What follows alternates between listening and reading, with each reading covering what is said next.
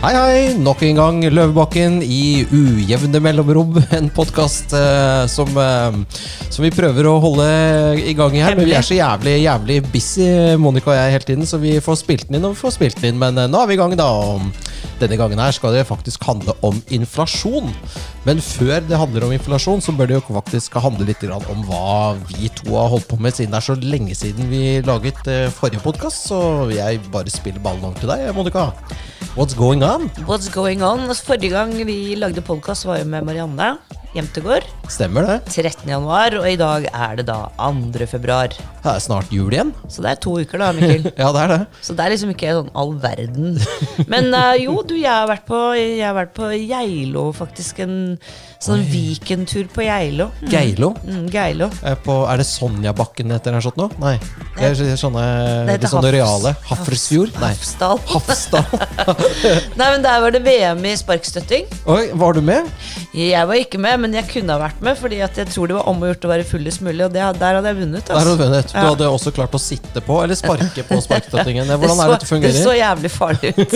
For det var liksom en gjeng med folk. Det var, det, så, det var helt vilt, faktisk. Ja, Så, men uh, det er tydeligvis lov, da. det er, det- ja, det er lov å kjøre spark i fylla. Ja.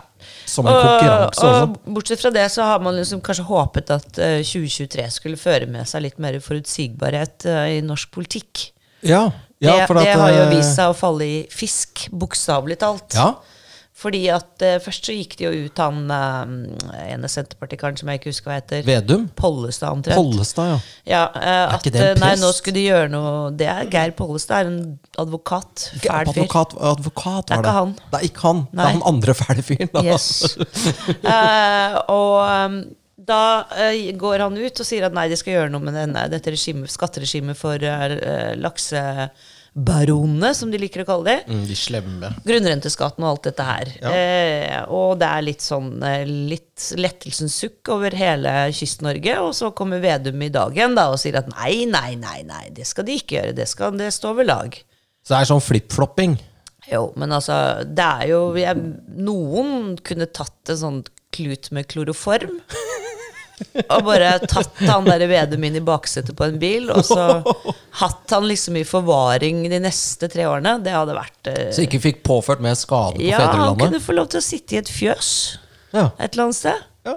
Og Få mat og drikke og kose og sånn, men ikke få lov til å si et kløyva ord på eteren, i hvert fall. Altså, du begynner å bli litt irritert du nå. Og vi er Litt. liksom ett og et halvt år inn i denne regjeringen.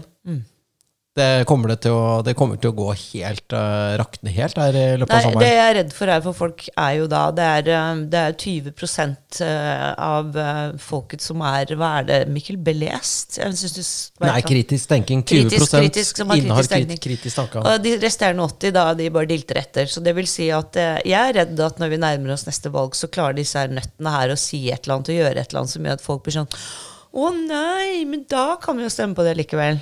14 dager før valget så er det sånn gratis buss, gratis Mm. bil, gratis, gratis, gratis. Og så trykker de masse penger, og alle får en million kroner på kontoen sin. Ja. Og så Så stemmer alle på Arbeiderpartiet og Senterpartiet. ja, god, god altså, valgkampgreie. Ikke glem, ikke glem Ikke glem. dette. Men litt av problemet her også er jo at eh, nå løper jo da alle fra Ap og Sp over til Høyre. De har jo vært med på det, de òg. Ja, når det gjelder eh, så hele det der globalistiske politikken Strømgreiene. og strømgreiene. Ja, Ja. ACER, det, der var jo Frp var jo også med på det, men de har i hvert fall gått ut og sagt at de ikke skjønte hva de var med på, og angrer seg. Det er jo faktisk ganske ærlig Og nå da. har jo han, hva heter han, jeg husker jo ikke et eneste navn jeg på de der den nøtte regjeringen vi har nå. Nei. Det er helt uinteressant, egentlig. en eller annen næringsminister. Hva heter han igjen? Vestre. Nei! Østre. Da var det ikke han. Ja, Samme det. Men at de liksom Ja, det var nok, det var nok de kablene, ja. Å ja, ja, han som var energi, energiminister, da. Ja, hvem var det igjen, da? Mm. Ja, det er ikke hun Matte Mjø- Mjøs Pedersen. Jeg har gitt opp, jeg har sluttet å følge med. Jeg, Ja, men det Monica. er samme Jeg bare går på ski og koser meg og Samme her. tenker at, eh, at eh, det er på tide å flytte til Sveits snart. Ja. Ja. Men du vet at de- i tillegg til alt dette her, da, som ikke er deres feil, ikke Ja. sant? strømkrise, og det er jo Putin og eh, Potet som var eh, Men i tillegg til det så har vi jo da hatt og har pågående eh, inflasjonsproblemer. Inflation. Inflation. Ja. Og for Altså, dette er jo noe som Ja, altså kommer og går, har jeg skjønt. Det med inflasjon. Ja. Men den er nok alltid her. ja. Ja, fordi at dette kunne ikke jeg sånn Eller jeg, altså jeg vet hva inflasjon er. Tross alt studert økonomi, men jeg har ikke tenkt så mye på eh, bakgrunnen hvorfor og hvordan. Hva ligger der liksom og Ja, bare bobler i 2-3 Og i derfor har vi da med oss en ekspert på inflasjon i dag, som heter Rune Østgaard. Mm. Han har skrevet bok. Han har skrevet en bok blant annet som heter Fraudcoin. Mm. I en sånn serie som heter Farlige teorier. Ja, Ja. Dette blir, dette blir veldig skummelt. Nå skulle vi hatt skummel musikk, men det har vi ikke. Nei. Men han er veldig blid trønder. Det er det som gjør det så vanskelig. For når folk snakker trønder, så er det sånn det er vanskelig å være sint. da. Ja, Det er en annen veldig farlig trønder nå også. Han heter Trond Giske. Så det virker som at det murrer oppe i Trøndelag nå. To farlige trøndere på én gang, ja. Ja. Eh, men Rune, fortell eh, litt mer om hvem du er. Hvor, eh, hvor gikk du på barneskolen osv.? Ja, jeg gikk faktisk på Binde barneskole i Steinkjer kommune. Så jeg bor, eh, jeg bor i Steinkjer, ikke så langt unna eh, skolen, faktisk. På en, jeg bor på en gård. Um, Er du bonde da? Eller eh, er du litt sånn fleksibonde, sånn som meg? ja, mer, mer det, egentlig. Ja. Mm. Jeg er i stand til å kjøre en traktor og, og håndtere motorsag eh, og sånne ting. Ja. Men, eh, men jeg skal ikke begi meg ut på noe husdyrhold og, og dyrke jorda og sånt. Nei, det tror jeg bare går rett vest, Det for er å si deilig å se sånn. at det er flere som oss, da. Det ikke bare er sånn ordentlig. Ja, det er bra. Ja. Så det, jeg trives, trives veldig godt med å bo der, ja. Kone og barn? Jeg har eh, samboer og en datter på snart 17. Oh. ja. Vet hun noe om inflasjon? Ikke annet enn det hun merker på lommeboka, tror jeg. Samboeren eller datteren? ja, ing- ing- ingen av dem egentlig. Kanskje hun dattera vet vel enda mindre om det. Ja. Så, nei, jeg skrev boka i, i, i fjor sommer og litt utover høsten i all hemmelighet, så de visste ikke at jeg holdt på med det engang. Da låste du deg inne på snekkerverkstedet og holdt på med et eller annet? Ja, det var litt sånn eh, overalt der jeg var. Der eh, drev jeg og skrev, eh, skrev mye av boka på mobiltelefon. Så Oi. var ute og klippet plener og var ute med ljåen og holdt på med litt sånne ting. Og så kom jeg på noen ting, så måtte jeg skrive litt eh, på boka. da. Mm. Så For de som ikke vet hva ljå er, så er det da et redskap med en lang kniv på. En stang med en lang kniv for som man slår høyt gress med. Ja. Mannen med ljåen, for eksempel. Mann med ljåen. Da slår han andre ting. Jo, jo. Men, eh, Men- vi- men, du har jo eh, lest boken, ja. Monica og jeg. Vi Ja. leste den i julen til vi fikk eh, store, tørre øyne. Ja, man blir jo litt Rett og slett litt får litt angst. Sover dårlig. Ja, Men det er, det er litt deilig òg. Å skjønne det- hva som skjer. Ja, det er det, men det du sier et eller annet sted i den boken, Rune, er at du mener at dette må liksom ungdommen lære, lære seg, de må lære seg penge, og pengeverdien, og hvor, altså dette med pengers verdi eller ikke verdi. Men datteren din på 17 vet ikke. nei, hun er opptatt av eh, andre ting, og, og, og det er hun egentlig glad for. da. Eh, Så jeg har ikke prøvd å presse denne kunnskapen eller boka på, på noen av mine nærmeste. Egentlig så har jeg lært litt av eh, tidligere feil, sånn sett, fordi at eh, jeg begynte å, å, å lese en del av litteraturen som ligger til grunn for eh, boka for en 20 års tid siden. Og da, det var den såkalte østerrikske skolen i økonomifaget. De har skrevet mye godt om inflasjon og pengepolitikk. Og da, da prøvde jeg å ha en del samtaler med ja, mine venner, og også med økonomer. og prøvde å få folk på glid til å også bry seg om det her. da. Mm. Eh, men det var ikke noe mye interesse, så jeg var nok litt misjonerende. Så ja, eh, brente meg litt på det. Eh, så etter det så, så har jeg egentlig ikke Du syns du var litt masete. ja, jeg var litt, jeg var litt masete. Jeg var det også. Og, så nå når jeg holdt på med boka, så var det veldig få som uh, visste om det. Det var jo en eh, god venn av uh, deg, Mikkel. Gregar, ja. Han har vært her. Ja. Han har, vært litt, eh, han har vært kjent med det jeg holdt på med, og, og hjulpet meg en god del med boka. Så det, det har vært fint. Men, eh, men, jeg tenkte på mm, eh, Vi må jo begynne liksom eh, altså Du har bygget opp boken din veldig Den er veldig god å lese, for den liksom tar ting veldig sånn konkret og en fin oppsummering på slutten. Kan ikke vi begynne litt med, med, med Ja, hvor skal vi begynne? Skal vi, du hadde en veldig bra innfallsvinkel her, Monica. Litt kan, historisk. Ja, altså det er jo også noe som altså Dette kan du jo, og kan fortelle oss om. Det var da i 1050 så drepte Harald Hårråde. Og jeg bare hører på navnet. Hårråde. Var ikke til å spøke med. Eh, han drepte Einar Tambarskjelvet og hans sønn Eindride, som jeg tror du har skrevet boken til minne om, var det ikke det? Stemmer det. Mm. Eh, og da etablerte han et myntverk i Nidaros og på Hamar. Så det at Norsk Tipping ligger på Hamar i dag, er ikke tilfeldig. Det er litt samme utfallsrommet her. eh, I 1050. Ja. Og hva var det som gjorde at vi kan si at Harald Hårråde var den som startet da inflasjonen, i hvert fall i Norge? Ja, det er jo gjort en del uh, arkeologiske utgravinger, så de har funnet, funnet en del mynter da, fra den tida han holdt på. Så de har funnet bl.a. mynter som inneholdt 90 eh, sølv. Og med mynter med avtagende innhold av sølv og mer innhold av billige eh, metaller. Eh, så ned imot i hvert fall 33 da. Og, det er sånn typisk tegn på at det er en konge som har holdt på mer eller mindre systematisk redusert sølvinnholdet i pengene.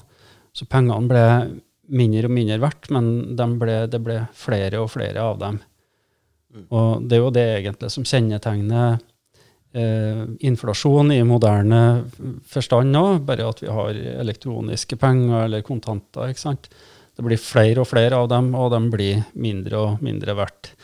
Men bare for å fullføre det, da, så er det sånn at um, de mener det, de som er historikere og um, det vi kaller numismatikere, da, at før han eh, satte i gang det her eh, pengepolitikken sin, så brukte eh, nordmenn eh, mynter, både gull og sølv, fra litt forskjellige plasser i verden.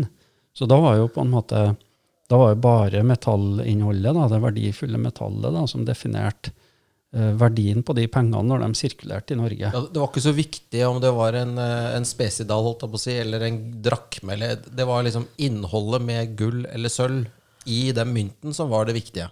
Det var verdien. Hvordan klarte de å måle det? Det vil jeg tro var eh, mye pga. gjenkjenning. Akkurat som når vi ser en 100-kronerseddel, så kjenner vi igjen eh, at det er en norsk 100-kronerseddel. Mm. Så de, eh, de, brukte nok eh, eh, mest mynter som de stoler på ut ifra utseende. og sånne, Hvis de eh, har mynter som det kunne jo være fra arabiske land og som kom til Norge. Og hvis det var mynter som de kjente igjen, som de visste ha stabilt eh, sølv- eller gullinnhold, så foretrakk de å bruke det.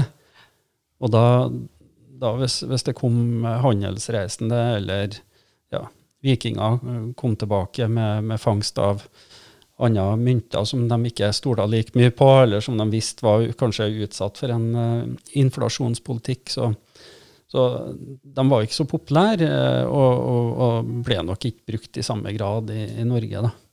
Nei. Det er litt sånn som når du er ute på byen, Mikkel. Mm. Tror du den fineste dama har best innhold? Ikke sant? Det er alltid sånn. Mm. Det ser bra ut. Eh, jeg tror ja. utapå blank, inni krank, er det ikke det de sier da? Men jeg, jeg likevel litt sånn ikke sant? Hvis, du, hvis jeg hadde blitt presentert en av Hårrådet sine sølvmynter, da, ikke sant? så så det jo ut som en sølvmynt. Så hvordan skal jeg vite at Å, jeg stolte på uh, ikke sant? Det var ikke noen grunn til når han begynte det myntverket, å ikke stole på myntene hans. Hva er det som gjør at de skjønte at det, at det var legeringer der? Ja, det er jo det med, med sølv- og, og gullmynter. Hvis du reduserer innholdet av uh, verdifullt metall, da, så bytter du ut med noe annet, så vil vekta kunne bli annerledes. Uh, fargen på dem altså de blir kanskje mørkere hvis det er mye innhold av kobber i stedet for sølv. Sølv er jo blankt. Mm.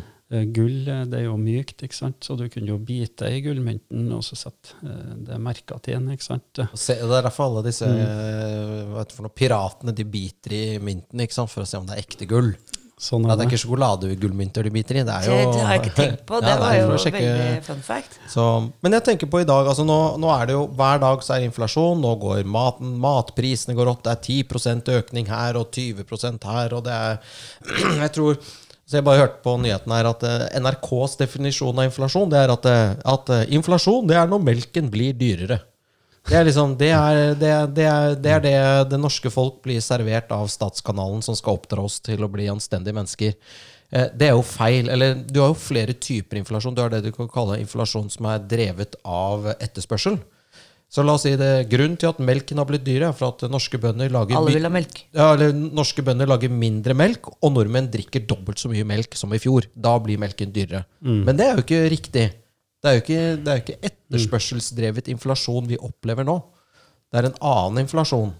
Og da kommer vi inn på dette med pengemengde, forskjellen på valuta og eh, Altså valuta og hva var det? Altså, du hadde type, Valuta og penger. og penger, mm. og det er forskjellig Altså, penger er ikke penger, og så videre. Så det er her vi må prøve å kjøre veldig rask sånn grunnkurs. Liksom, hva er penger, hva er valuta, og hva er inflasjon? Jeg vet ikke hvilken rekkefølge vi skal begynne i, eh, Monica. That, it's complicated. Opp til Østgård, tenker jeg. Yes. Doktor Ja. Østgaard kaller jeg han nå.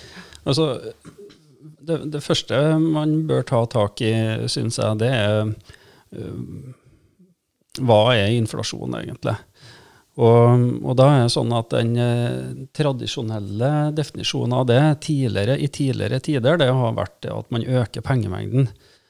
Um, og det har jeg valgt å kalle pengeinflasjon i boka mi, bare for å ikke fornærme noen i forhold til det her debattene de har om hva inflasjon egentlig er. Så jeg kaller økning i pengemengden for pengeinflasjon.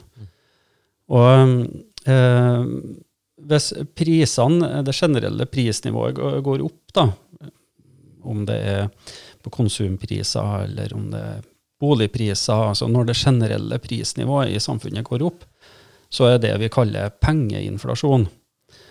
Og så er da mm, hovedpoenget egentlig å forstå det at eh, i det store bildet så er det pengeinflasjon som forårsaker prisinflasjon. Altså du har en årsaks-virkningslov der, kan du si. da.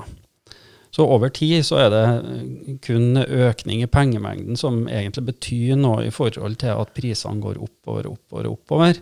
Og så har du variasjoner underveis. ikke sant? Plutselig så er det en streik, og så får du ikke kjøpt eh, den og den eh, varen, eller den blir, blir dyrere da, fordi det blir større knapphet på den. Og da er jo etterspørselen da, som er redusert, og som over en periode gjør at den varen blir dyrere, men så er streiken slutt, og så blir plutselig det varene billigere etterpå, da, når produksjonen har fått uh, komme i gang igjen.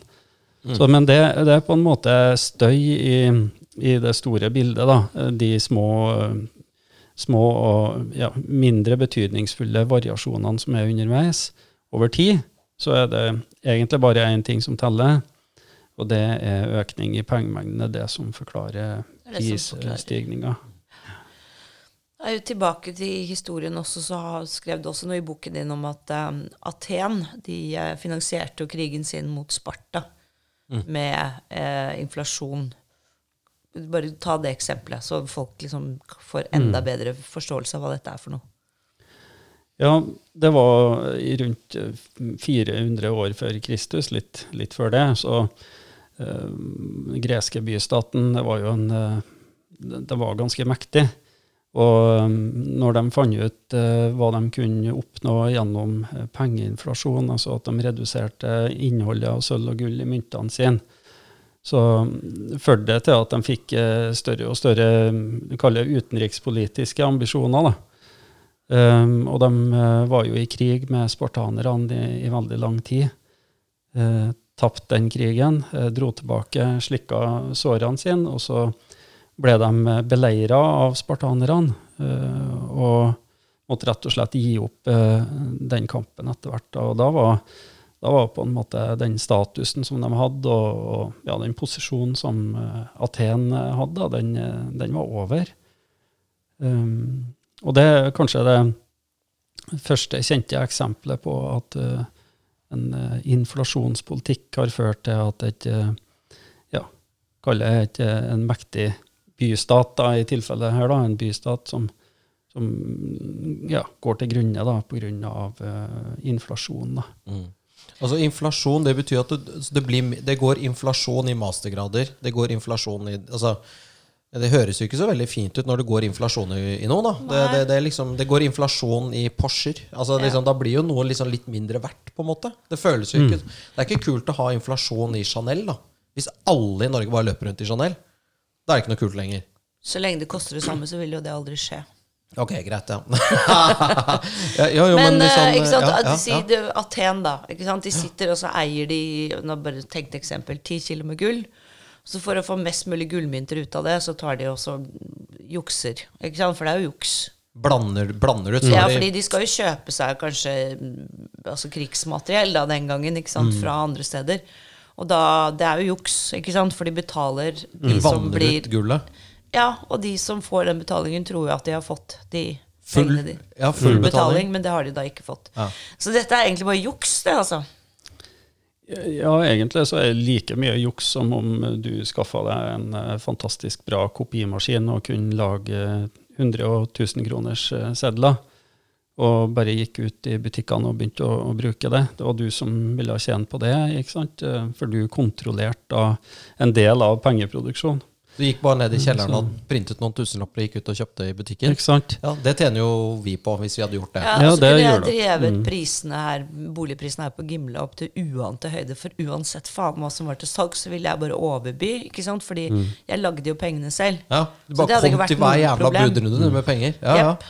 ja. Nei, fordi, Men litt tilbake, hvis jeg bare kan få svare på det som du innledningsvis spurte om der. fordi at uh, det som skjer, er jo ikke Det er ikke først og fremst det at de eh, driver og vanner ut egne penger. Så Harald Hardråde han, han, kom jo tilbake til Norge i, ja, på 1040-tallet. Jeg husker ikke eksakt uh, årstall. Men da han tjente seg søkkrik, da, bl.a. på å være offiser for, um, i keiserens livgarde i Bysants, i det østromerske riket.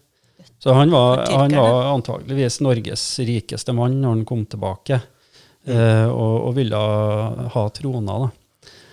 Eh, men det, det, han gjorde, var, var, jo det at han sa til folket at eh, det var samme året, antageligvis rett etter han tok livet av eh, trønderjarlen Enar, Enar Tambarskjelvet og, og sønnen hans Eindride, så sa han til folket at dere må bruke mine mynter.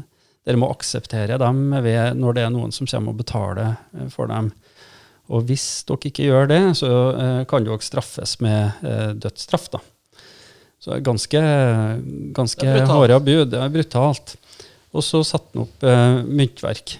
Mm. Og når folk da skulle gjøre betalinga, typisk i hvert fall hvis de skulle betale Har Harald, da, så måtte de jo sørge for å ha mynter som var gangbare, som han godtok. Så de måtte være prega i hans myntverk. Og da tok de med seg typisk da sølvmynter som de hadde fra før, som kanskje var fra England eller noe annet land. ikke sant? Mm. Så leverte de inn eh, det i myntverket. Og så, så satt de der, tok en kopp kaffe, ikke sant? og så ventet de på at den skulle preges. Ikke sant? Og så var det mindre sølvinnhold i de myntene som de fikk tilbake. Så han stjal ah. en del av sølvet? Han stjal en del av sølvet, og det brukte han til å, til å lage flere mynter med, da, som han kunne bruke til å kjøpe våpen og lønne soldater og bygge kongsgårder og, og, sånne ja, ting med. Så inflasjon er på en måte en sånn konfiskasjon Altså at du stjeler en verdi fra den personen som det blir jo det. At eh, Monica kommer til meg med, da, med en gullmynt på ti gram. Og så sier jeg her har en kopp kaffe, og så tar jeg, går inn på bakrommet, klipper jeg av liksom tre gram av den og stempler en ny mynt. Og blander ut det og så tar jeg den, det, det lille mm. klippet jeg tok av Monica. Når jeg har klippet nok, så har jeg liksom nok til å lage en ny mynt. Eller, mm. ja, så mm. du, du, det er på en måte eh, nesten som en skatt. Eller en, du, du, du stjeler det fra noen, liksom. Ja, og det ja. han eh, Hårrådet prøvde på, var jo å innføre da en valuta, ikke sant, én valuta, mm. som da han hadde kontroll over. Mm. Og det er jo det vi ser rundt om i verden nå. I Norge har vi jo norske kroner. Ja. Så kan vi jo veksle det i andre valutaer, men da er det jo til en eller annen kurs. Mm. Eh, og da har jo de på en måte den samme makten da, som Hårrådet hadde i sin tid. Mm. Fordi det er en klok og vis mann som har sagt at um, han het John Maynard Keynes. Ah. By these means, the government might secretly and unobserved confiscate the wealth of people, and not one man in a million will detect the theft. Yes. Er det det som foregår? Ja, det er akkurat det som foregår i, i dag. Og jeg tror kanskje at det var flere som forsto det i 1050 og utover eh, i de årene der. At det var noe muffens som foregikk. De så jo prisene gikk opp, og det skjedde jo etter at han begynte med den pengepolitikken. For ellers hadde det vært stabilt en stund.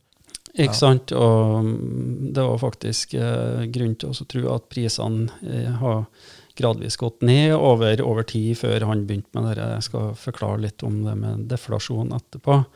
Men bare for å ta det, når vi hopper, tilbake, hopper fram til ja, 19, 1919, tror jeg det var han, eh, John Maynard Keynes skrev det sitatet her. Um, så var det jo Da drev man ikke på på den måten og laga inflasjon. Uh, Da var det på en måte kreditt uh, som har begynt å, å, å bli det som skaper inflasjon. Og det er det, vi, det er det systemet vi har i dag. Kredittsystemet, ja. For det er ganske komplisert. At du lager penger ut av ingenting. Det er faktisk, eh, jeg vil påstå det er kjempeenkelt. da. Ja, det er enkelt, men det er komplisert å forstå det. Ja, Ja. vi kan jo prøve nå, da. Ja. Um, altså um, Det er ganske enkelt sånn at når noen går og så tar opp et lån i banken, så har ikke banken de pengene fra før. De låner ikke ut noen andre sine penger. Dette er viktig å si en gang, for jeg tror de aller fleste tror at eh, Margot tar eh, 10 000 kroner og putter i banken, og så tar banksjef Larsen og låner ut de pengene til f.eks. Monica. ikke sant? Men det er jo ikke det som skjer. De pengene til Margot de bare er der. Mm.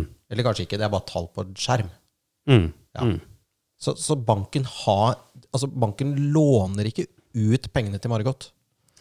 Nei, det gjør den ikke. Den gjør det mye enklere enn som så. Den bare trykker på en knapp, og så er det nye penger som er skapt. Det blir på en måte kreditert på lånekundens konto, og så går kunden ut og Kjøper. bruker, bruker pengene på ja, kjøpe seg et hus eller en bil eller eh, noe sånt. Og sånn, sånn øker da pengemengden. Så du kan si at det er nesten et sånn bortimot et én-til-én-forhold mellom utlånsveksten og pengemengdeveksten i det moderne samfunnet. Og så, og så kommer jo det at hvorfor, hvorfor er det så vanskelig for folk å, å, å forstå at de eh, at, det, at det er en skatt, da, som du kalte det, eller at det er tyveri, ikke sant? eller at de eh, Hva er det som skjer egentlig? lurer jo folk på. De forstår ikke det. Det er veldig få som skjønner det. Og kjernen til, altså Hovedårsaken til det er det at vi blir fortalt det at inflasjon det handler om prisstigning.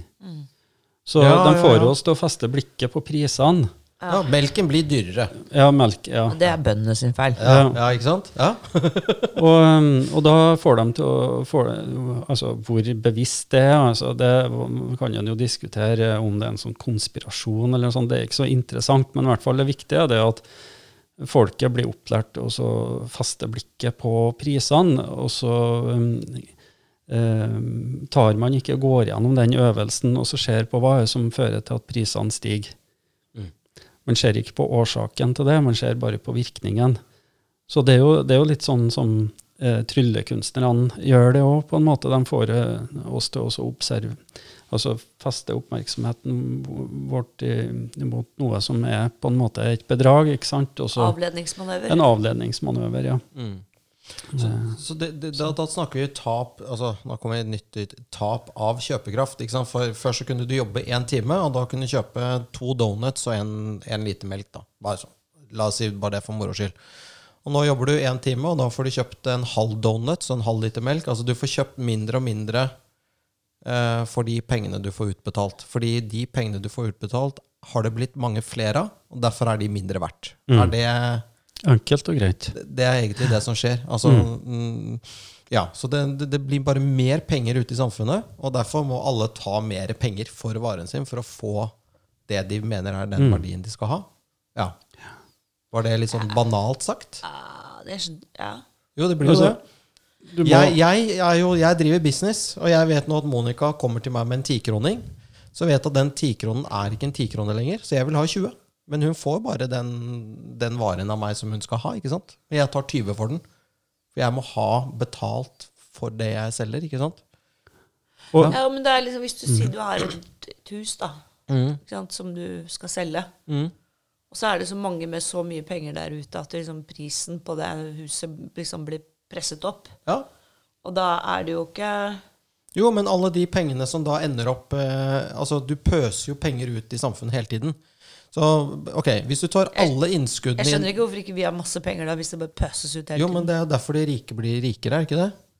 For det er jo også sånn der, Når Mime Kristiansson snakker om at de rike blir rikere, så jeg tror ikke han har skjønt en dritt av dette, for å være helt ærlig. Men jeg tror at det har noe med dette å gjøre. Hvor nærme du sitter seddelpressa. Ikke sant? Jeg er eiendomsmegler. Hver gang jeg flipper en eiendom, så får jeg en prosent av, det, av de nye pengene som trykkes. ikke sant? Så hver, hvis jeg får flippet ti eiendommer om dagen, så sitter jeg ved siden av den seddelpressa og får penger. Og så tar jeg de pengene og kjøper meg biler og klokker og herjer og står i. Og når det har gått et år, så har jo alle de pengene liksom hva for noe? Eh, Drizzle down in the economy. Og så har det blitt filtrert. filtrert ned, og de på bunn Det er masse mer penger, og de pengene som det har blitt masse mer av, er mindre verdt. Derfor må prisene settes opp.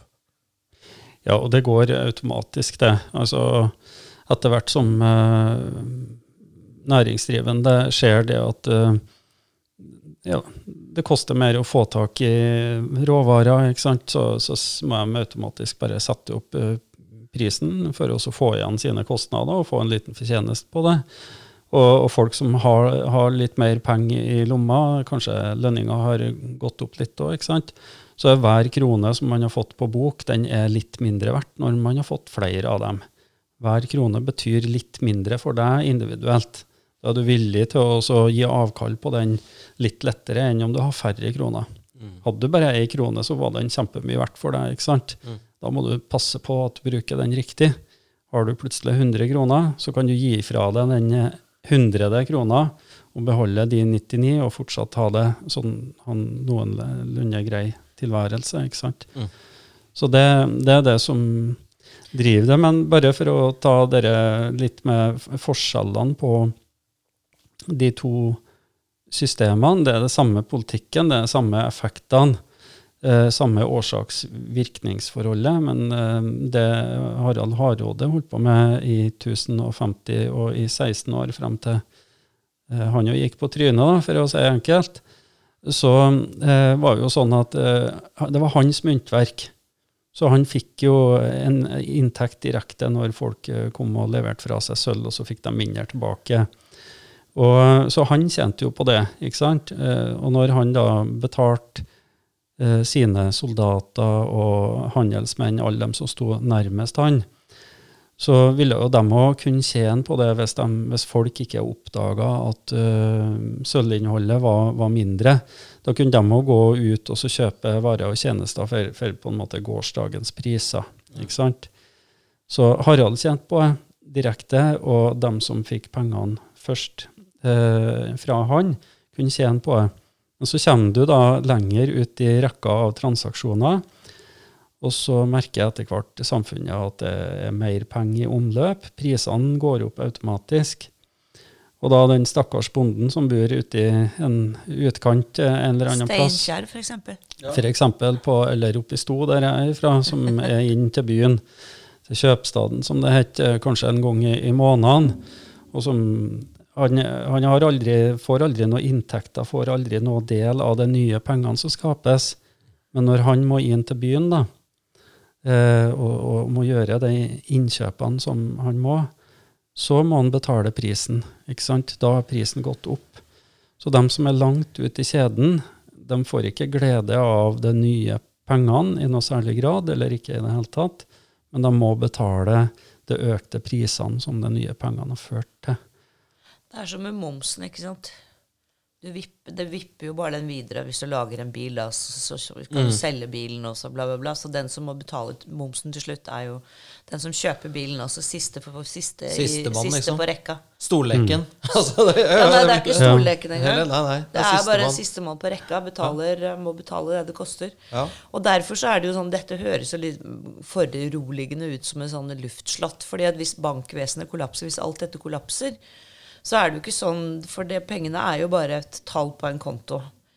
Eh, og det, sånn har det jo ikke alltid vært. fordi at eh, frem til 1973, i hvert fall det var det siste, var jo USA som da stoppet med gullstandarden, som betød at du skulle ha like mye gull liggende i, eh, i Norges Bank, da, i, i Nasjonalbanken, som pengene som var i omløp. Sånn at du alltid kunne veksle det inn i gull, sånn at de faktisk var verdt sin vekt i gull. One on one. Ja, ja. ja. Det var sånn Greg har snakket om. Gull er penger. Ja. Ja, det, det er helt riktig. Det er i hvert fall det som tradisjonelt har vært penger, og så har på en måte denne distinksjonen mellom penger og valuta forsvunnet ut av eh, språket vårt, mer eller mindre. da. Så før så, så var man tydelig på det at uh, valuta det var på en måte kvitteringa du fikk for å oppbevare gullet ditt i, i banken. Altså en pengeseddel, ikke sant? Det, er en, det er egentlig en kvittering da, opprinnelig. Mm. Så når du gikk tilbake til banken med seddelen din, så kunne du få ut uh, gull. Og da var det gull som var pengene, og, og kvittering av seddelen, det var, det var valutaen. da. Men Så det det er en representasjon, representasjon av penger. ja. Ja, altså, sånn ja. hvis, hvis vi hadde fortsatt med det, da, at det gullet som var i Norges Bank, ja. det representerte pengemengden som var i samfunnet, hvordan hva ville liksom altså, Da kunne du ikke trykke penger, da. Nei, nei, men du ville jo fortsatt ha den samme pengemengden, og du ville jo altså, Fordi på den tiden det var en gullstandard, så de bygget jo storting Ja, og slott. det vokste jo. De fikk Altså, jo ting ja. til å skje da også. Men bare det at da fikk du liksom kjøpt et slott for 100 kroner. Ja. Mm. Eh, Men det var jo, men det er interessant det også Monica sier, for at det var jo vekst i samfunnet. Eh, Ja. Så hva, hva gjør man da? La oss si at samfunnet vokser fortere enn pengemengden. Mm. Og, eh, litt sånn eh, Er det mulig? Jo, det, det blir jo det, hvis noen er veldig flinke, da. Det, Eh, det er mulig. fabrikker og vet for noe strukturrasjonalisering. Altså, jo, men du, du bygger en fabrikk som Ja. klarer å lage ting raskere og billigere enn før. Mm. Så får du jo en vekst, ikke sant? Mm. Hva gjør du da? Er det deflasjon, da? Da blir ting billigere?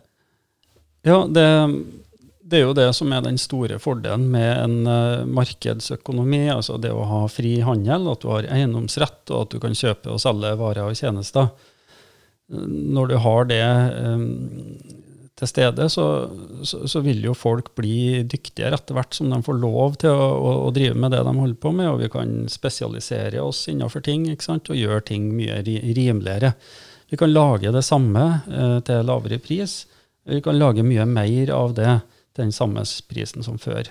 F.eks. når du gikk ifra å lage spiker for hånd, til at du la, eh, setter opp spikerfabrikker. ikke sant? Så enhetskostnaden falt jo noe vanvittig. Eh, og så, så det er jo, og det kjenner vi igjen i dag òg, med informasjonstidsalderen. At det er masse tjenester som vi for noen få år siden måtte betale ganske mye for, f.eks. telefonsamtaler.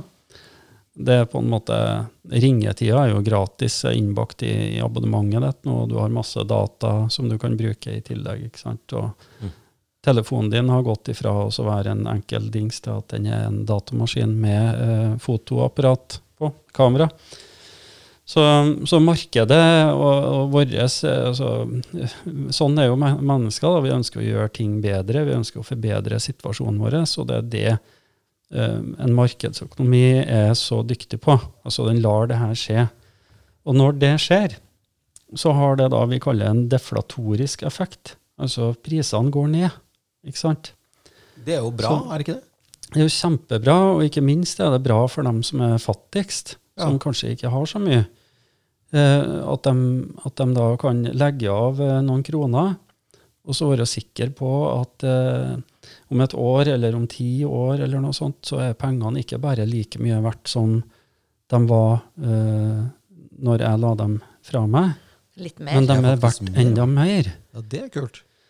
Så, så vi, vi, ønsker jo Jeg vet ikke hvordan det er med dere, eh, dere som er fra beste, bedre bedrestilte eh, kår. eh, Om, om dere får den samme følelsen når dere går i en butikk som folk flest, og ser det, altså, ser det at ting er på salg. Ei jakke i favorittmerket ditt, en fantastisk fin jakke som henger i butikken, den er plutselig på halv pris. Blir man glad da, eller? Eller blir man eh, Ikke sant? Selvfølgelig blir man man glad. blir Man blir det. Det er veldig gøy Ja. når noe er billigere, men jeg føler at det aldri blir billigere. Det lønner seg ikke å spare. For det, Nei, det- alt blir bare dyrere, så du, du Ja. kan ikke spare. Før Nei, men du kan, spare. si, jo, men du kan si at det å kjøpe en, en jakke da, på, til halv pris, Mm. det er jo fornuftig. Og jeg blir veldig glad hvis jeg får noe som jeg har lyst på til halv pris. For jeg, det er mye heller å betale det enn full pris, selvfølgelig. Mm. Men det er klart at når du, det kommer jo helt an på som du sier, liksom, hvilken økonomi man har. fordi at akkurat det å gå i butikken og handle mat, der er jeg litt mer sånn eh, skal jeg si, fleksibel på om det koster det eller det. fordi den maten skal du bare ha. Mm. Og um, du merker det sikkert når du er en stor familie med tre-fire unger og bikkjer som skal fôres og alt mulig. Mm. Akkurat for øyeblikket har jeg bare min egen husholdning, og da er ikke det noen stor sak for meg. Men jeg er jo veldig på parti med de som da får trøbbel av økende priser på alt mulig. Mat, strøm og alt dette her. Men du, var, du sa et eller annet som jeg skulle Du sa noe som ikke var så lurt. Nei, jeg bare tenker på det med, med å spare. Før i gamle dager så liksom var det sånn at du hadde penger på kistebunnen, og du sparte penger. I dag så er det slik at hvis du sparer penger, så taper du. Altså Hvis du hadde 100 000 kroner i 1970, så kunne du kjøpe et svært hus og en bil. Og så hadde du tatt alle de pengene, de 100 000 kronene, og sydd inn i madrassen, og latt de ligge der til i dag. Så hadde du ikke fått, uh, fått kjøpt en moped, kanskje, eller to. Nei, det er helt riktig. Og det som er Så poenget her, er jo ja. at du, selv om du setter pengene i banken, hvor du nå får bare noen knappe 2% kanskje renter for pengene dine, altså det vil si at de øker med 2 ja. Og de står der, det, jo, altså det holder jo ikke, fordi at inflasjonen er jo da mye høyere. 6-7 Ja. Så de vil jo bli tilsvarende mindre verdt, da. Så du taper penger på å spare. Ja, ja, og det å ha det i madrassen er jo det aller dummeste. ikke sant? Men hvis du hadde vekslet inn til gull, da, Ja. og hatt det gullet i madrassen, hva, hva hadde skjedd da, Rune? Ja, Hvis du hadde i 1970 kjøpt gull for de 100 000 og puttet gull inn i madrassen Mm. Hvis, du, hvis du ser på gullprisen målt i norske kroner da, over tid, så ser det jo at, ser det ut som gullprisen har skutt i været etter at um, vi gikk bort fra den kvasi-gullstandarden som var frem til 1973.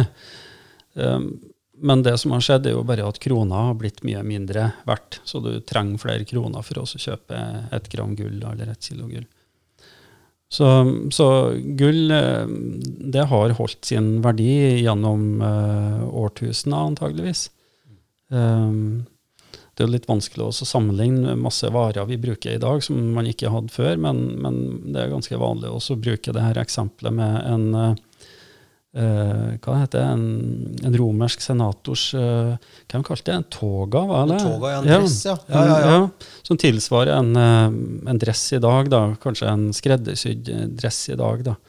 Så det kost, kosta noenlunde samme den gangen i vekt i gull som, som en, altså en skreddersydd dress eh, koster deg i dag. Eller en skikkelig dress, da, i hvert fall. Ja, ja. Mm.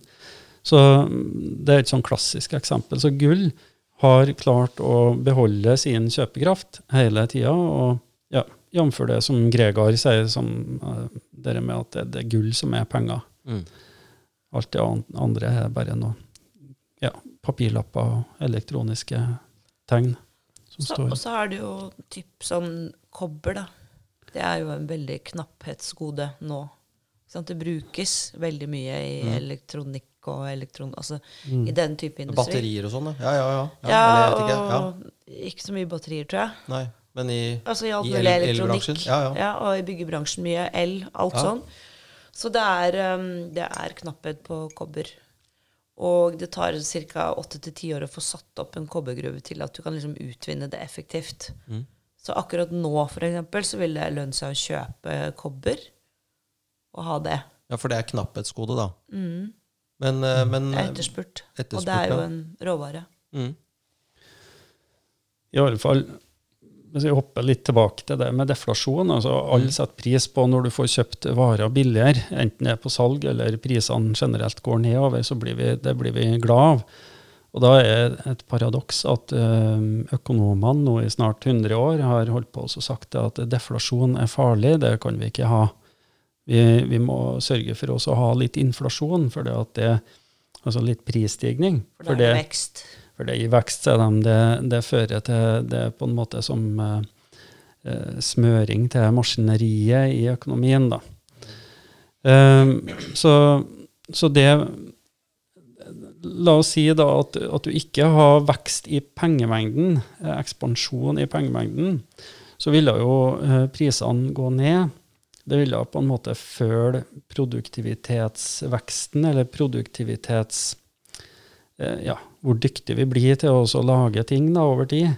Så kanskje det naturlige ville vært, hvis du ikke har vekst i pengemengden, at prisene ville gått, gått, ned med noen prosent, kanskje et par-tre par, prosent eller noe sånt i året. Mm. Man snakker jo om at øh, veksten i økonomien, realveksten, snakker man om, øh, kan kanskje ligge på en par prosent per år i gjennomsnitt i moderne, et moderne land. Da. Så la oss si at prisene Kanskje hvis vi ikke hadde en sånn pengepolitikk, så skulle prisene naturlig ha falt med et par prosent per år. Så pengene våre har blitt 2 mer verdt per år. Da jo, føler jo folk at de får mer og mer, da. De gjør det, vet du. Ja. Og, og, den politikken vi har i dag, da, det handler jo om å trykke penger for å motvirke det her. Ja. Man, med seddelpresser, som man kalte det før, da, så, så prøver man å motvirke den deflasjonen. Og så man, har man et mål om å skape 2% prisstigning for konsumvarer per år. Det er det som er mandatet til Norges Bank. Og bare det differansen imellom det de prøver å oppnå der, da, og den deflasjonen, da, den økte pengeverdien som du har fått hvis du ikke har hatt denne politikken, den er jo på la oss si ca. 4% i året. da. Så tap tapet vårt, hvis du måler det i, på den måten der, så er jo tapet vårt kanskje da 4 mm. per år, ikke 2% som eh, man driver og måler med, med, penge, med, med konsumprisindeksen. Så man trykker penger for å prøve å motvirke eh, den, eh, den velstandsveksten som den naturlige deflatoriske effekten av en velfungerende markedsøkonomi innebærer. Og i det bildet Det er ganske eh, Man eh, eh, Ja. Det, blir, det går jo Det går jo Det er vanskelig å liksom forstå det og fatte det, at vi skal ha en sånn politikk. ikke sant? For, for vanlige folk. Så når det jeg forklarer nå, det er jo enkelt å forstå, egentlig. Ja, men for, hvorfor for er det noen som tar tak i det? Hvorfor, hvorfor gjøres det ikke? Ja, det er jo fordi at det er noen som tjener på den politikken som er i dag, akkurat som en Harald Hardråde og hans nærmeste gjorde den gangen. Hvem er det som tjener på den politikken? Det er to, Who are the sinners? to grupper. ja, du kan jo Om du skal kalle dem sinners, det vet jeg ikke, men det to grupper. da, Du nevnte jo f.eks. mellommenn som sitter nært eh, de nye pengene som skapes, som meglere og sånn, de, de har jo, nyter jo godt av det her, selvsagt. Mm. Men staten òg, f.eks. med dokumentavgift, 2,5 eh, per eh, for hver transaksjon, ikke sant? Ja, ja, ja. kjøp av bolig og, og annen fast eiendom. Så det er jo penger rett inn på konto for, for staten, dokumentavgifter. Det er mm. jo nyskapte penger, typisk, da du lånefinansierer kjøp av bolig pengene rett inn på mm, meglers konto, så går det ei uke, og så har han betalt eh, dokumentavgiften. Mm. Så, men, men, det viktigste, viktigste mm, for en sånn uh, viktigste i Norge er nok at uh, det er finanseliten, det er dem som kan ta opp de største låna, som tjener mest på det. da. Mm. F.eks. å restrukturere flyer. da, Så kommer det et meglerhus ut, ikke sant? og så ordner de med at man trenger en milliard, eh, og det skal de bare ha 100 millioner for. ikke sant? Så blir det masse nye penger, og så tar de klipper det. Og så er det børsnotering, og så er det full exit-fest på Aker Brygge. Altså, jo nærmere mm. du sitter seddelpressa, jo mer penger er det. Og Mm. selvfølgelig de som da har business bak i brygge og driver butikk og sånn der, de tjener også masse penger, for det, pengene kommer først til dem, ikke sant? Mm. De Bjerke urmaker og sånn, ikke sant? Og så er det bare På Lillestrøm er det ikke så fett, men det er fett nok, liksom. Mm. Og så bare kommer det opp til Gudbrandsdalen, så er det mørkt. Nei, det er ikke helt mørkt, men jo lenger bort fra, fra pe- seddelpressen du kommer, jo mindre får du være med på den festen som skjer. Da. Og Mm. kan du si at, at, at, at eh, inflasjon også sentraliserer makt og formuer, da? Ja, det gjør den så absolutt. Så eh, i de områdene der eh, låneveksten er størst, der er jo da tilfanget på nye penger og da per definisjon størst. Og hvis du sitter f.eks. Eh, ja, oppe i bygda mi i Sto, da, Mm. og så har du noe penger til gode, og så tenker du jeg er også en god snekker. Eh, Jeg kan godt sette opp et, et hus. Skal jeg gjøre det oppe i Sto, eller skal jeg gjøre det, kjøpe meg ei tomt i Oslo? Og da vet den her eh, dyktige karen med litt penger på bok at eh, hvis jeg drar til Oslo og så gjør det her, så tar den prosessen kanskje ett og et halvt år fra jeg starta og til jeg kan eh, selge boligen. Og på den tida da, så har eh, eiendommen økt i pris, boligprisene har økt, så jeg får eh, mer eller mindre nesten automatisk en profitt da, eh, når jeg snur meg rundt og så selger boligen eh, to måneder før den er ferdigstilt. Mm. Men hvis han har investert de samme pengene eh, oppi, oppi bygda vår, eh, så, også, Det har vært enklere å bare brukt eh, fullfinansiering med lån som eksempel her. da. Så la oss si at han, han drar ned til Oslo og så bygger, bygger bolig i Oslo. Alt er fullfinansiert med lån. Eh, og så selger han eh, det her, og så får han eh, fortjenest fordi at prisene har gått opp i løpet av den tida. Mens han skulle ha gjort det samme i, oppe i heimbygda mi, så hadde det ville ha tatt en god del år etter at han har satt opp det her lånefinansierte huset, før verdien på huset, altså salgsverdien på huset, ville overstige kostnadene som man har med å bygge det.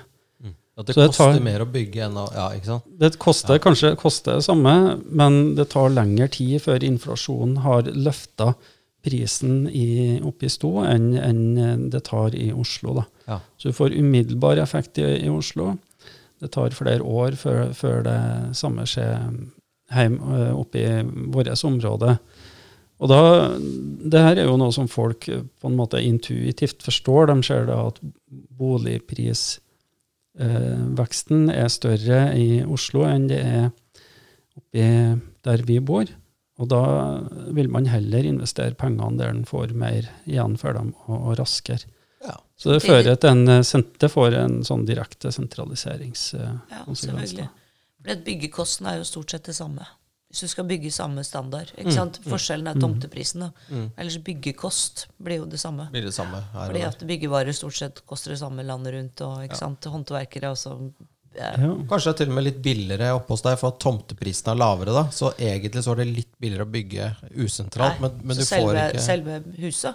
ja, ja, ja, ja, men du må ta med hele, hele regnestykket. Men poenget er Mm. at du får ikke den avkastningen. Da. Men hvor er, det, hvor er det vi går Altså eh, eh, Hva skjer? Vi har nå det, Prisene øker, det går løpsk, eh, man øker renter. Det er liksom, nå tror jeg politi politikerne drar i spaker, og nå er det helt kaos. og Ingen, alle tror at inflasjon er at melken blir dyrere, og det er, for det, det er det de tror. For det er, så lite vet de. Gud bevare meg, barnet mitt. Eh, Men hvor, en, hvor går denne Hvor går veien, for å si det sånn? For du kommer jo med noen eh, litt dystre eh, Ikke spådommer, men eh, ja, det er jo ikke akkurat, eh, det er ikke akkurat sengelektyre for, for svake sjeler, Fraudcoin. Det han sier, er vel at de som sitter, for, for de som sitter med makt, så er dette et fordelaktig system. Ja.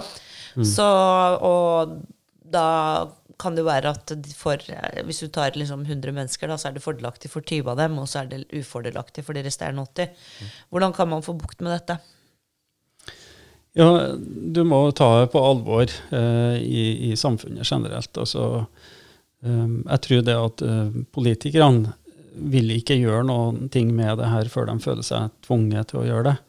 Og da, da, har vi en eh, oppgave at vi må spre denne kunnskapen eh, i, blant folket. Da, og, og, sånn at folk som skjønner det at det, de taper på det, ønsker å, å, gjøre noe med det.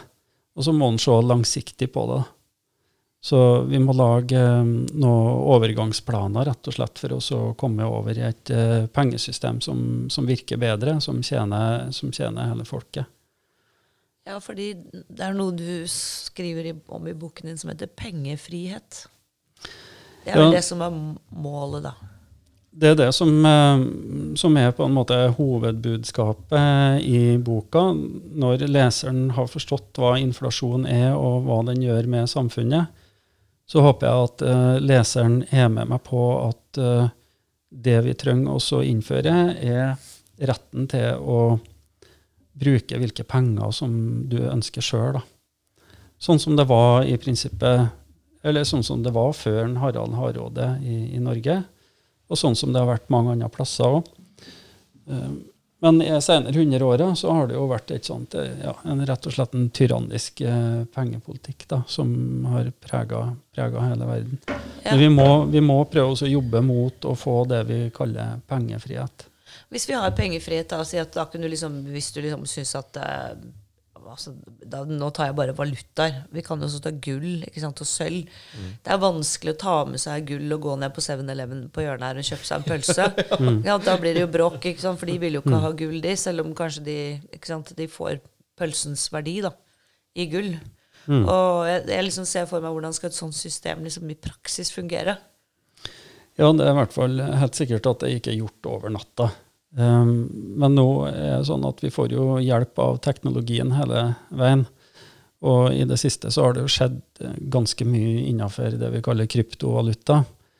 Med kanskje bitcoin, da, som er det mest lovende nye pengesystemet. Og jeg har satt meg en del inn i, i det her i det siste, og jeg holder faktisk på å jobbe med en slags introduksjonsbok eh, om bitcoin. Uh, og jeg er eh, rimelig overbevist om at det er bitcoin som er framtidas eh, pengesystem.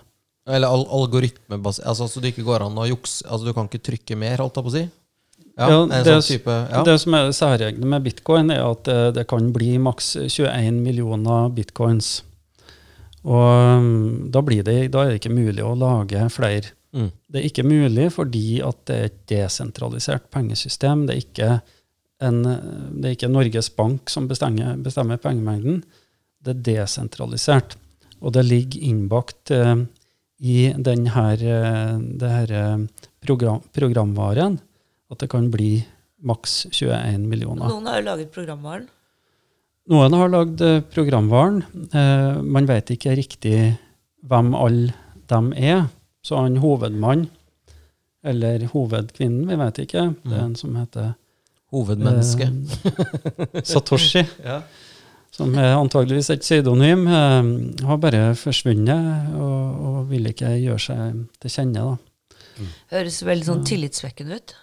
Ja, Jeg er ikke helt med på den, men eh, det jeg kunne tenke meg, var hvis alle lønnsmottakere i Norge krevde å få lønna si utbetalt f.eks. i sølv eller gull. Gull. Ja, Sølv eller gull. Eller gull. Helst gull. Mm. Da ville det jo staten uh, fått et uh, problem etter hvert. For da, da ville faktisk uh, f.eks. sykepleiere, da, som blir referert til som sytepleiere, kanskje eller ikke at det er litt ufortjent, men sykepleiere ville jo da faktisk fått lønnen sin utbetalt i gull, og da ville de ikke følt at de tjente mindre og mindre og mindre hvert år. De ville faktisk følt at de fikk betalt for mm. jobben de gjorde. da. Mm. Uh, og godeste Mimir Kristiansson som mener at, uh, at de rike blir rikere hele tiden. Og han ville også hatt litt mindre å snakke om, for at, uh, da får du rett og slett lønnstakere får utbetalt for jobben de gjør, i en verdi som ikke forringes. Mm. er det mulig å få til? Ja, det, er det nok gull i verden? Altså, du, ja. for da begynner man Vi er åtte milliarder mennesker. Altså, det begynner liksom Det er jo garantert ikke nok gull. Ikke sant? Det, sånn, det blir en sånn, eh, for meg litt eh, sånn Excel-arkøvelse. Eh, teoretisk jævlig kult. Praktisk ikke mm. gjennomførbart. Eller hva tenker du? Det, det, har vært helt uproblematisk å, å gå tilbake på en gullstandard igjen. ikke sant? Mm. Sånn som det var før, at hvis du hvis du hadde 100 kroner, så kunne du få utlevert 40 gram gull fra banken. Det har vært helt uh, uproblematisk. Du måtte bare ha repriser uh, norske kroner opp imot gull, sammenligna med sånn som mm. det var den gangen. Mm. Så, um, men uh, spørsmålet er jo om et sånt system ville fungert godt nok i forhold til ja, internasjonal handel, og sånn, for det fordrer at du må kunne flytte gull mellom landene. hvis det Gulltransport. Hvis det ikke er balanse ja. i, på utenrikshandelen, ja. så må du flytte gull mellom landene. Og det kan være litt sånn, litt sånn tungvint. da. Men um, jeg tenker at teknologien kan hjelpe oss. Uh, tida kan hjelpe oss. Uh, vi må ta det litt over tid. Uh, og hvis det er politisk vilje, så tror jeg det overhodet ikke er teknisk utfordrende å, å få til dette. Mm. Nei, for det er jo en, det er politikk, ikke sant. Dette er en villet politikk. Fordi at uh, det blir jo veldig ofte skyldt på kapitalismen. Det er den som har skylden i alt dette elendet. Men det er politikk, rett og slett. Det er politikk. Inflasjon er politikk, per definisjon. Mm. Villet politikk. Uh, vi kunne sikkert snakket i flere timer om dette. Altså, det er jo veldig spennende, litt tungt, men veldig spennende tema. Um, vi må reklamere litt for boken, da. Ja. Du har lest den, Monica. Terningkast. ja. Altså, den, den, er jo Du må jo liksom konse litt når du leser den. Så det er ikke sånn hvis du liksom ellers i uken ser bare på, på Seinfeld, så, så, må du konse litt mer. Men det heter altså Fraudcoin. Og det er 1000 år med inflasjon som politikk, så det er en veldig fin innføring egentlig historisk også i, i altså utviklingen i valutapolitikk og internasjonal valutapolitikk. Og eh, det er da en del av en serie som heter Farlige teorier. Mm. Farlige teorier. Ja, ja. Fikk, hva, hva, tenk, du, hva, hva, fikk du med liksom, ville du anbefale denne boken videre? Du, hva tenker du om den? Blir det middagstema på, i dag? Eh, under det, middagen, f.eks.? Det blir det helt sikkert. Ja. Der skal vi innlede litt, tenker jeg. og snakke ja. om det. Nei, og da, og da, er det utfordring til Rune at han må gå hjem og lære sin 17 år gamle datter det samme, sånn at vi er up to speed alle sammen. Ja. Eh, for det er jo der man må starte, selvfølgelig. Ungdommen. Med ungdommen. Mm. Og vi har jo et system i Norge hvor eh, skolesystemet er ganske politisk infisert, både i skolebøker og læ alle lærebøker. Mm. Det er mange som ikke tror det, men slik er det. Slik er det, ja. Mm. mm. Så det er rett og slett at dette burde kanskje vært fag. da. Hvor, hvor, hvor får man tak i boken? Har du solgt mange? Er den, uh, ja. Give us an update. Ja, Boka kom jo ut i oktober, og, og etter det så har jeg solgt en 1100 eksemplar, tenker jeg. Ja. Så du får kjøpt den eh, både i bokhandlene og hos uh, Gregor, da, som du finner på gullrpenger.no. Mm -hmm. Så han har kjøpt inn et parti, og han leverer gladelig bøker eh, personlig i Oslo. vet du. Mm -hmm. Så får du muligheten til å slå av en prat med han om, om gull og sølvmynter og sånne ting. Også. Sånne ting også. Og bare litt sånn, Monica nevnte farlige teorier. Eh, hva, hva, er liksom greia? Det, Fortell bare kort om det før vi avslutter. Farlige ja. teorier. Den første boka jeg skrev, den handla om eh, kvikkleire, og hvordan eh, kvikkleireskredrisikoen blir vurdert av ekspertene i samfunnet. Jeg skrev den etter Gjerdrum-skredet i, i, 2020. Og, og der, eh, der var, kon konkluderte jeg med at teoriene som ligger til grunn for ekspertene sine metoder, de er uriktige, altså per definisjon farlige. da. Mm. Og den teorien som uh, boka her tar for seg, er jo bl.a. det her med at vi trenger å ha litt, uh, litt inflasjon for å smøre hjulene i økonomien. Så um, inflasjon er per definisjon bra for samfunnet. Og det er en veldig farlig teori. Det er en farlig teori. Ja, Veldig bra, altså. Tusen, tusen takk for at du tok, oss, tok tiden til å komme til oss. Vi, vi, vi tar og legger ut link, vi, Monica både her og der, til boken og til, til alt som er. Absolutt. Ja. Inflasjon er farlig. Inflasjon er farlig. Takk for i dag, og takk, takk for besøk. Takk for besøk. Og for så blir det vel en, eh, ja, en um, i rykk og napp neste gang. Vi får prøve å komme Ja, det finner vi ut av, Monica. Kanskje vi skal bare ta en drink. Ja, vi går og tar en drink.